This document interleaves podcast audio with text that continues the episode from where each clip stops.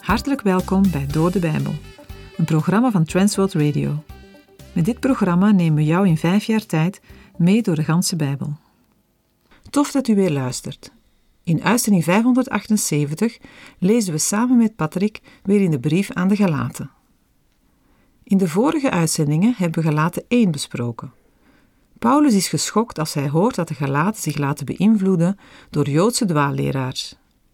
In deze brief bindt hij hen op het hart dat ze zich niet zo snel van de wijs moeten laten brengen. Hij legt hen uit dat het evangelie dat hij gebracht heeft waarheid is. Het is geen bedenksel van mensen, maar het woord van God zelf. Paulus gebruikt zijn eigen bekering om dat te verduidelijken. Voor hij in Jezus geloofde, vervolgde Paulus de christenen fanatiek. Hij was ervan overtuigd dat zij er helemaal naast zaten en een gevaar voor de samenleving betekenden totdat de Heer zelf uit de hemel hem aansprak. Dat moment werd een omkeer van 180 graden voor Paulus. Jezus die hij vervolgde, werd zijn Heer. Paulus was door God uitgekozen om het goede nieuws aan de volken buiten Israël te brengen. Bij zijn roeping was het Paulus duidelijk dat hij er niet eerst met mensen over moest praten, zelfs niet met de andere apostelen. Hij ging naar Arabië, een streek ten zuidoosten van Damascus, en later naar Damascus. Over de drie jaar die hij hier doorbracht, lezen we verder niets in de Bijbel. Het is een periode van eenzaamheid waarin hij door God werd voorbereid op zijn taak. In de Bijbel komt het vaker voor dat dienstknechten van God een tijd van stille. In de Bijbel komt het vaker voor dat dienstknechten van God een tijd van stilte en afzondering in de woestijn kennen, waarin ze God beter leren kennen. Het is overigens goed mogelijk dat Paulus in deze periode al wel begonnen is om in zijn omgeving over Jezus te vertellen.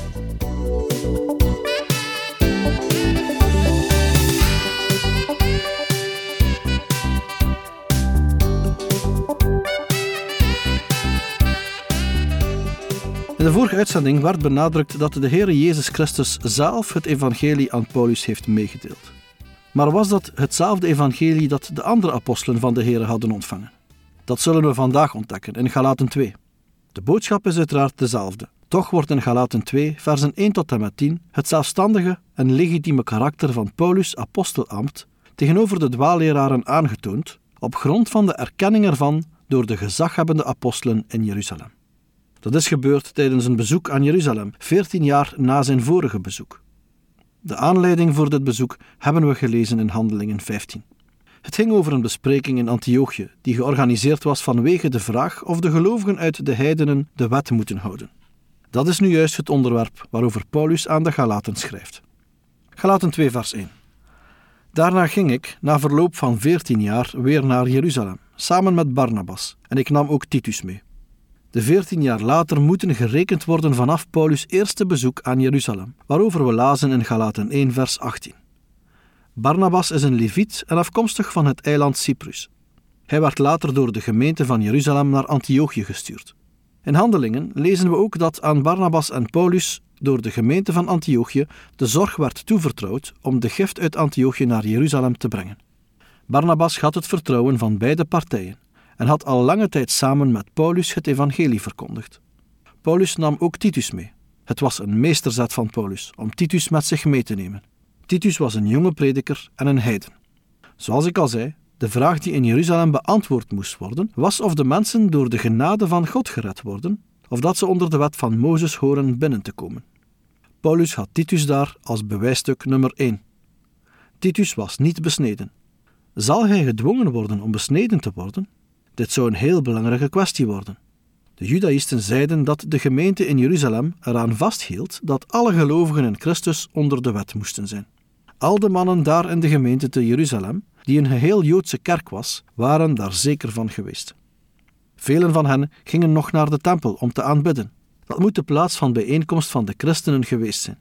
Paulus en Barnabas kwamen daar om het officiële woord over de wet en genade te ontvangen. Galaten 2, vers 2. En ik ging op grond van een openbaring en ik legde hun het evangelie voor dat ik verkondig onder de heidenen, en afzonderlijk aan hen die in aanzien waren, opdat ik niet misschien te vergeefs zou lopen of gelopen hebben. Paulus ging niet op eigen initiatief, ook niet op een eis van de kant van Jeruzalem. Zijn apostelschap had een dergelijke legitimering niet nodig. De reden van zijn bezoek was een openbaring. Hoe deze openbaring heeft plaatsgevonden, wordt niet meegedeeld in handelingen.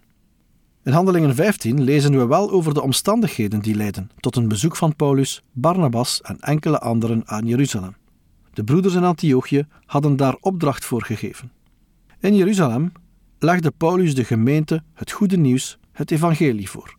Als we nu de informatie uit Handelingen en uit Galaten samenvoegen, dan kunnen we zeggen dat Lucas mededeling doet over de opdracht die de apostel kreeg van de broeders in Antiochië, na de heftige discussie met de Judaïsten, en dat Paulus in Galaten wijst op de openbaring die de Heere hem had gegeven om naar Jeruzalem te gaan. Afzonderlijk heeft de apostel het ook aan de gezaghebbende leiders in de gemeente voorgelegd, waarvan in vers 9 de drie belangrijkste genoemd zullen worden: Jacobus, Petrus en Johannes. Het doel van dit voorleggen was niet een erkenning van het apostelschap en de prediking van Paulus om zo meer gezag te verkrijgen. Nee, het ging om de eenheid van de evangelieverkondiging die volgens Handelingen 15 in gevaar was. Het moest duidelijk worden dat er maar één evangelie is, maar ook dat de inspanningen van de apostel Paulus niet voor niets waren, of niet beantwoorden aan Gods bedoeling met zijn leven, zodat het woord dat Paulus doorgeeft zonder vrucht zou blijven. Die vrucht bestaat in het aannemen van het woord door de gemeente, het vasthouden en het blijven staan in de Here. Kortom, de doorwerking van het woord in het leven en de opbouw van de gemeente. Galaten 2, vers 3. Maar zelfs Titus, die bij mij was, werd niet gedwongen zich te laten besnijden, hoewel hij een Griek was. Hiermee wil Paulus tegen de Galaten zeggen dat, als zelfs Titus niet door de Joodse christelijke gemeente gedwongen werd zich te laten besnijden, de Judaïsten in Galatië helemaal geen recht hadden de besnijdenis als dwingende eis op te leggen. Het valt hierbij op dat Paulus vermeldt dat Titus niet besneden moest worden, terwijl Paulus dat in Handelingen 16, vers 3 wel deed bij Timotheus.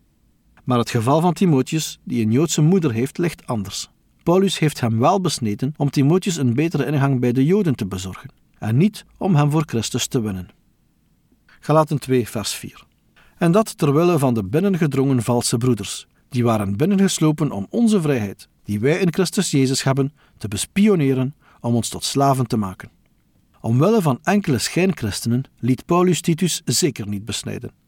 Die schijnchristenen waren op een onrechtmatige manier de gemeente binnengedrongen, met het doel de vrijheid van de gemeente te bespioneren en te zien of de gemeenteleden zich wel aan de Joodse wet hielden. De genoemde vrijheid lag in het vrij zijn van de wet als heilsmiddel tot God. De bedoeling van dat spioneren was om de gemeente die vrijheid te ontnemen. Hierdoor wordt de kern van het evangelie aangetast. Iedere controle op een bepaalde wetsvervulling, los van het geloof, als enige heilsweg om het met God in orde te krijgen, is een poging om de genade van Christus en de vrijheid van christenen aan te tasten. Vandaar dat Paulus hier niet kan toegeven en geen gebruik maakt van de vrijheid die hij heeft. De Joodse dwaalleraren zouden de besnijdenis van Titus kunnen interpreteren als een erkenning van hun eis. Daarmee zou de kern van het evangelie aangetast worden.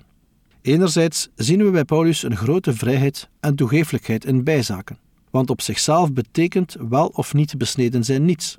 Anderzijds buigt de apostel niet als mensen van bijzaken hoofdzaken gaan maken. Galaten 2, vers 5.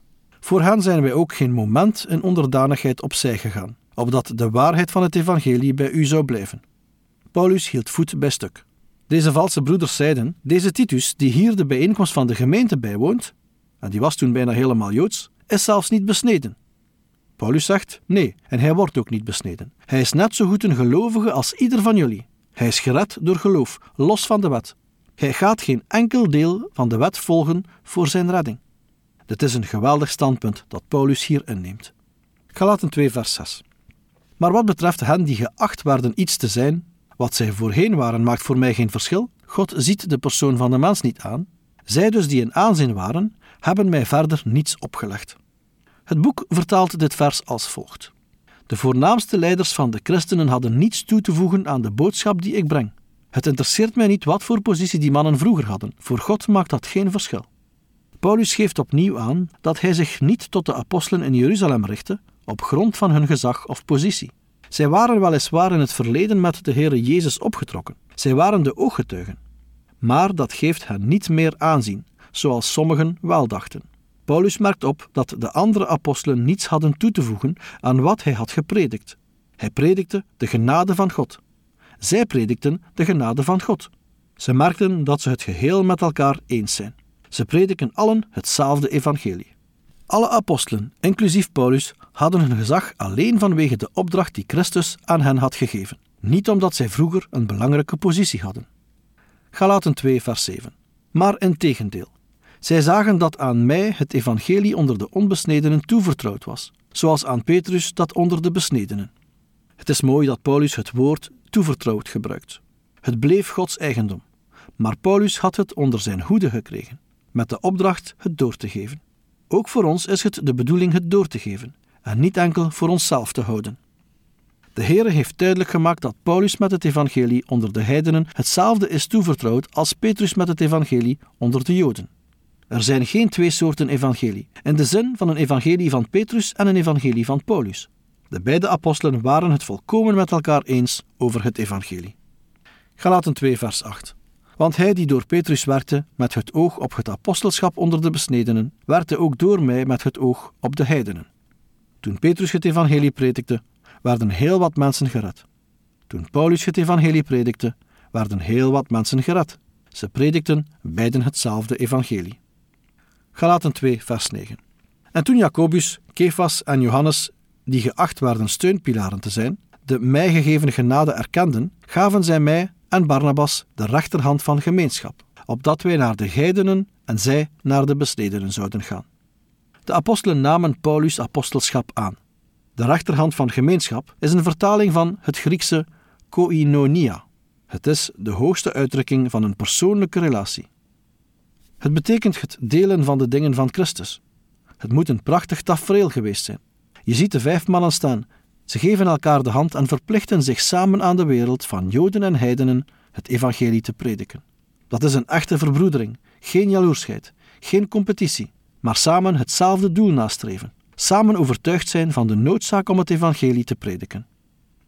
Paulus verwoordt het duidelijk in Efeze 2, versen 20 en 21. Daar staat: Zo bent u dan niet meer vreemdelingen en bijwoners, maar medeburgers van de heiligen en huisgenoten van God, gebouwd op het fundament van de apostelen en profeten, waarvan Jezus Christus zelf de hoeksteen is, en op wie het hele gebouw, goed samengevoegd, verrijst tot een heilige tempel in de Heer.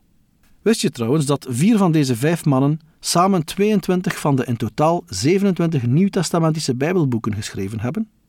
Galaten 2, vers 10. Alleen moesten wij wel aan de armen denken. En ik heb mij ook beijverd juist dit te doen. Nadat de werkverdeling is bevestigd, gaan de vijf uit elkaar. Het enige verzoek dat Paulus meekrijgt, heeft te maken met een zorg voor de armen. Hier zien we hoe de grote apostels niet alleen bezorgd waren voor de ziel, maar ook voor het lichaam van de medegelovigen. Het verzoek geeft geen beperking aan en ook geen voorwaarden. Het geeft de nauwe verbondenheid aan dat de gemeenten onder de niet-Joden, de heidenen, de armen in Jeruzalem niet zullen vergeten. Dat was Paulus sowieso al blijven doen, zoals we in Handelingen 11 en 12 hebben gelezen. En hij zou het ook blijven doen. De achtergrond van deze verbondenheid wordt aangegeven in Romeinen 15, versen 26 en 27. Daar staat: Want de gemeenten van Macedonië en Achaïe hebben het goed gevonden enige handreiking te doen aan de armen onder de heiligen in Jeruzalem. Zij hebben het namelijk goed gevonden en zij zijn het ook aan hen verplicht. Immers, als de heidenen aan hun geestelijke weldaden deel gekregen hebben, zijn zij ook verplicht hen met stoffelijke te dienen. Maar dit principe gold niet enkel voor de genoemde gemeenten. Het is een principe voor alle delen van de wereld en voor alle tijden. Jezus wil dat ook wij vandaag oog hebben voor minder bedeelde broeders en zusters. In Jacobus 2, versen 15 tot en met 17 staat: Als er nu een broeder of zuster zonder kleding zou zijn en gebrek zou hebben aan dagelijks voedsel, en iemand van u zou tegen hen zeggen: Ga heen in vrede, word warm en word verzadigd, en u zou hun niet geven wat het lichaam nodig heeft, wat voor nut heeft dat dan? Zo is ook het geloof, als het geen werken heeft, in zichzelf dood. Galaten 2, vers 11. Maar toen Petrus naar Antiochië gekomen was, ging ik openlijk tegen hem in, omdat hij te veroordelen was. In de versen 11 tot en met 14 lezen we van een ontmoeting tussen Paulus en Petrus in Antiochië. In Handelingen 15 wordt over deze ontmoeting niets gezegd. In deze confrontatie toont Paulus opnieuw de zelfstandigheid van zijn apostelschap. Niet het menselijk aanzien beslist, maar de waarheid van het evangelie. Als we deze gebeurtenis moeten dateren, kunnen we denken aan de periode tussen het apostelconvent in Jeruzalem en Paulus' tweede zendingsreis, toen Barnabas nog in Antiochië was. Paulus heeft zich toen openlijk tegen Petrus verzet. Dat Paulus een dergelijke openbare confrontatie noodzakelijk vond, geeft aan dat het om een zaak ging die van groot belang was voor de gemeente. Petrus had ongelijk. Wat hij deed was niet goed. Galaten 2, vers 12. Want voordat er enkelen uit de kring van Jacobus gekomen waren, at hij samen met de heidenen. Maar toen zij kwamen, trok hij zich terug en zonderde zich af uit vrees voor hen die van de besnijdenis waren. Het gaat hier om Joodse christenen uit Jeruzalem, uit de groep van Jacobus. Petrus was gewoon met de heidenen te eten. We moeten dan denken aan gemeenschappelijke maaltijden, waarmee het avondmaal nauw verbonden was, zoals blijkt uit 1 Korinthe 11, vers 20. Petrus trok zich terug en zonderde zich af, omdat hij bang was dat die mannen, die de besnijdenis zo belangrijk vonden, kritiek op hem zouden hebben. Die mannen hielden namelijk vast aan de Joodse reinheidsvoorschriften, die het eten met niet-Joden verbiedt. Je kunt je afvragen hoe het mogelijk is dat Petrus zo is gaan handelen.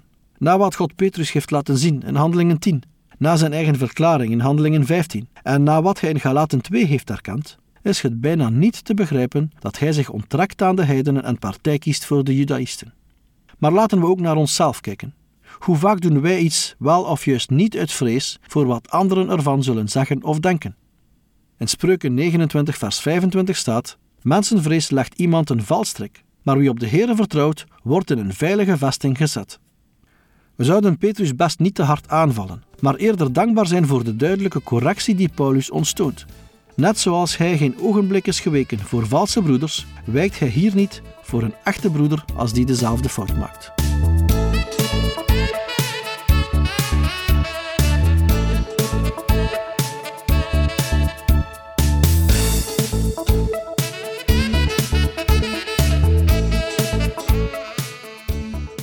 U heeft geluisterd naar Door de Bijbel, een programma waarin we in vijf jaar tijd de ganse Bijbel bespreken.